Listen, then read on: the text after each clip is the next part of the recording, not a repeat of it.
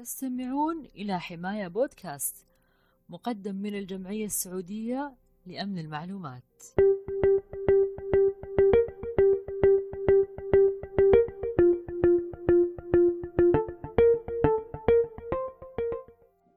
تحدثنا الأستاذة الدكتورة أميمة عمر بامسي عن الأطفال والمخاطر السيبرانية.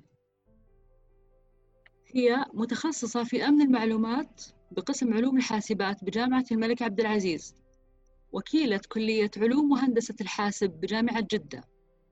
مديرة مركز التميز البحثي للبيئة الذكية بجامعة الملك عبد العزيز وباحث زائر في جامعة MIT الدكتورة أميمة حاصلة على الماجستير والدكتوراه من جامعة مانشستر. منحة أرامكو لزمالة ابن خلدون في MIT شاركت في العديد من المؤتمرات المحلية والعالمية.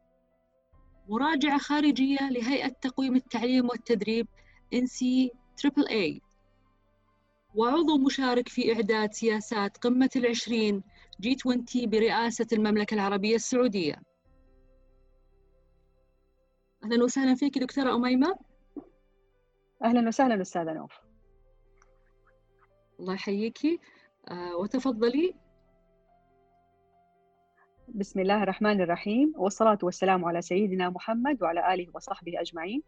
أسعد الله مساءكم بكل خير ويسعدني ويشرفني المشاركة في اللقاء التوعوي حول الأطفال والأمن السبراني الشكر لجمعية حماية لجهودها الكبيرة في هذا المجال لاستضافة سلسلة لقاءات توعوية من ضمنها هذا اللقاء.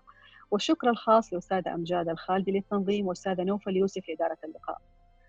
الأمن السبراني أصبح إحدى أولويات الدول في عالمنا اليوم وقد أدركت المملكة حجم التحديات الكبيرة والمتجددة التي تواجهها دول العالم مع التوسع الكبير في استخدام التقنية وما يصاحبه من مخاطر خصوصا على الأطفال مما توجب تعزيز الأمن السبراني. وللمملكة جهود كبيرة فيها في ذلك.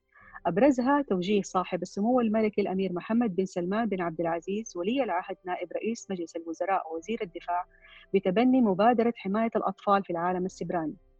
أطلقت في المنتدى الدولي للأمن السبراني الذي أقيم مؤخرا في الرياض والتزامنه أيضا مع رئاسة المملكة لمجموعة العشرين حيث تشرفت مع فريق متميز من الباحثين بالعمل على ملخص لتوصيات خاصة بأمن الأطفال ستقدم في مؤتمر جي 20 إن شاء الله. بالنسبة للمخاطر التي تواجه الأطفال فقد لخصتها Child Safety Index إلى خمس مخاطر أساسية التنمر الإلكتروني الاستخدام الغير موجه للتقنية المحتوى الغير آمن التواصل الغير آمن وتهديد السمعة أكدت نتائج استخدام الأطفال الإنترنت التي نشرها مركز الأمان والتعليم الإلكتروني IST2 في تقريره عام 2016 ضعف الوعي لدى الأسر بالوقت الذي يقضيه أطفالهم على الإنترنت والمواقع التي يزورونها وأظهرت الدراسة على وجه الخصوص ما يلي. 53% من الأطفال الذين شاركوا في الاستطلاع يستخدمون الإنترنت لأسباب غير واجباتهم الدراسية سبع أيام في الأسبوع إلى وقت متأخر من الليل. 40% ذكروا أنهم تواصلوا أو تحدثوا عبر الإنترنت مع شخص غريب. 21% أخذوا خطوة أبعد وتحدثوا مع شخص غريب عبر الهاتف.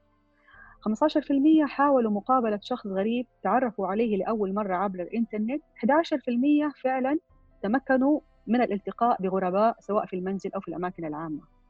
هذه الإحصائيات منذرة وقد تكون مخيفة. والآن مع ظروف العزل المنزلي الوقائي كفانا عافانا الله وإياكم ومكوث الأطفال في المنزل طوال الوقت أصبحت المسؤولية أكبر لتوفير بيئة سبرانية آمنة للأطفال. البيئة تشمل المساهمة المؤسسية والمدرسية والأسرية لحماية الطفل. سوف نتحدث عن كل من هذه المحاور بقليل من التفصيل.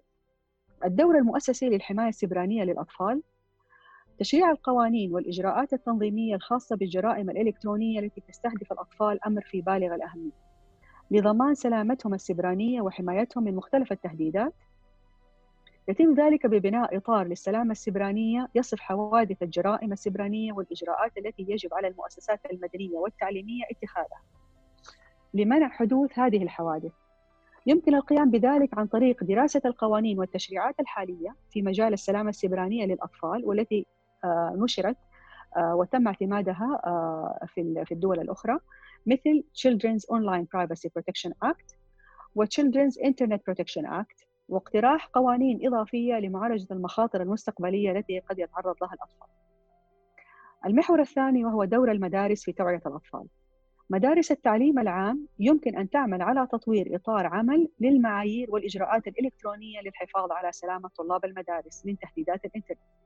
وتشمل هذه السياسات توقيع وثيقة أمان للاستخدام المسؤول واستخدام برامج ال blocking وال filtering في المدرسة لمنع الوصول إلى المحتوى الغير مناسب والتثقيف حول مخاطر الاتصال بالإنترنت وكيفية البقاء آمن. من التوصيات أيضا إدراج الأمن السبراني كمنهج أساسي في جميع مراحل التعليم العام. المحور الثالث وهو دور المنزل لتوفير بيئة آمنة للأطفال. الأسرة لها دور كبير في حماية الأطفال عن طريق التوعية والرقابة. يبدأ بالحد من الوقت المتاح للأطفال لدخول الإنترنت فحاجتهم إليها أقل من حاجتنا كراشدين. كذلك يجب زرع الصراحة والثقة في العلاقة بين الوالدين والأطفال. لكي يخبروهم بأي حدث غريب يواجههم أثناء استخدامهم للأجهزة الذكية. هناك عدة طرق للحد من وصول الأطفال إلى محتويات معينة لا تناسبهم مثل محتويات اليوتيوب وكذلك فلترة نتائج محركات البحث.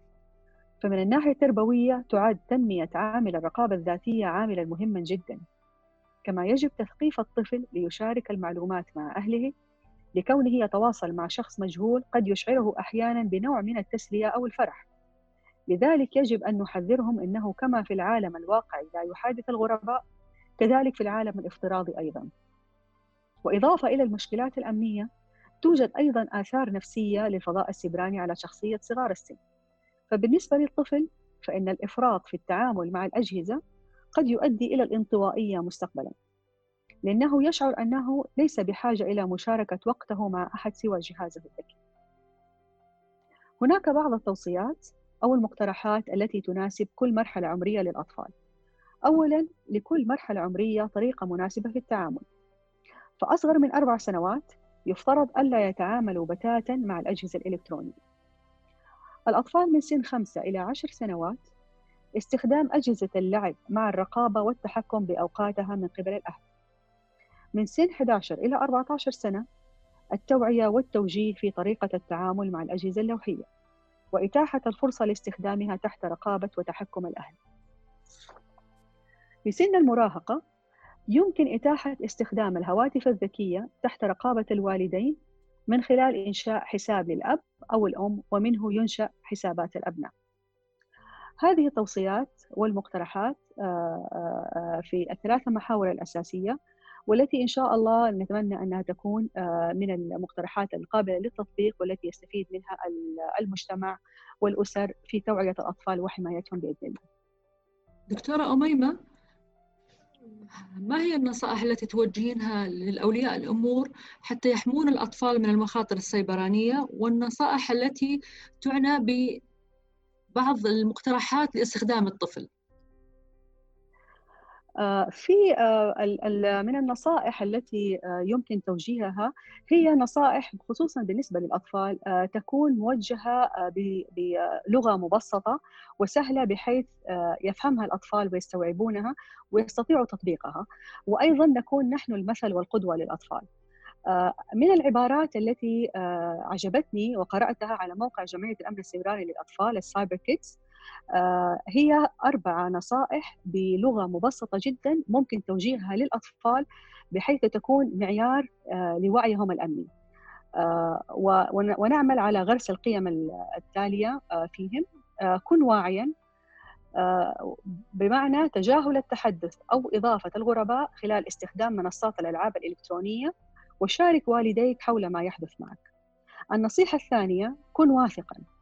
كن واثقا بشخصيتك واعتز دوما بقدراتك ولا تقلل من نفسك وشارك والديك حول أي حالة تنمر إلكتروني. تحدث لك خلال اتصالك بالإنترنت أو منصات الألعاب الإلكترونية. كن قويا. لا تخضع لأي تهديد يصلك من شخص غريب سواء كان من خلال أحد الألعاب الإلكترونية تطبيقات الشبكات الاجتماعية وأخبر والديك. كن آمنا. تعلم كيف تحمي نفسك خلال اتصالك بالإنترنت والطرق اللازمة التي تجنبك المخاطر المحتملة. في ختام اللقاء أود أن أتقدم بالشكر الجزيل والامتنان لك دكتورة أميمة على هذا الطرح المفيد وآرائك المميزة ويعطيك الله ألف عافية.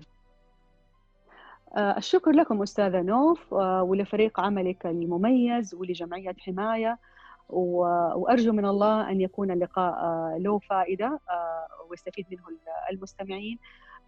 لموضوع هام جدا وهو تقريبا من أهم المواضيع في الأمن السبراني وهي حماية الأطفال. فشكرا لكم والله يعطيكم ألف عافية. الله يعافيك شكرا وإلى لقاء آخر بإذن الله. إن شاء الله.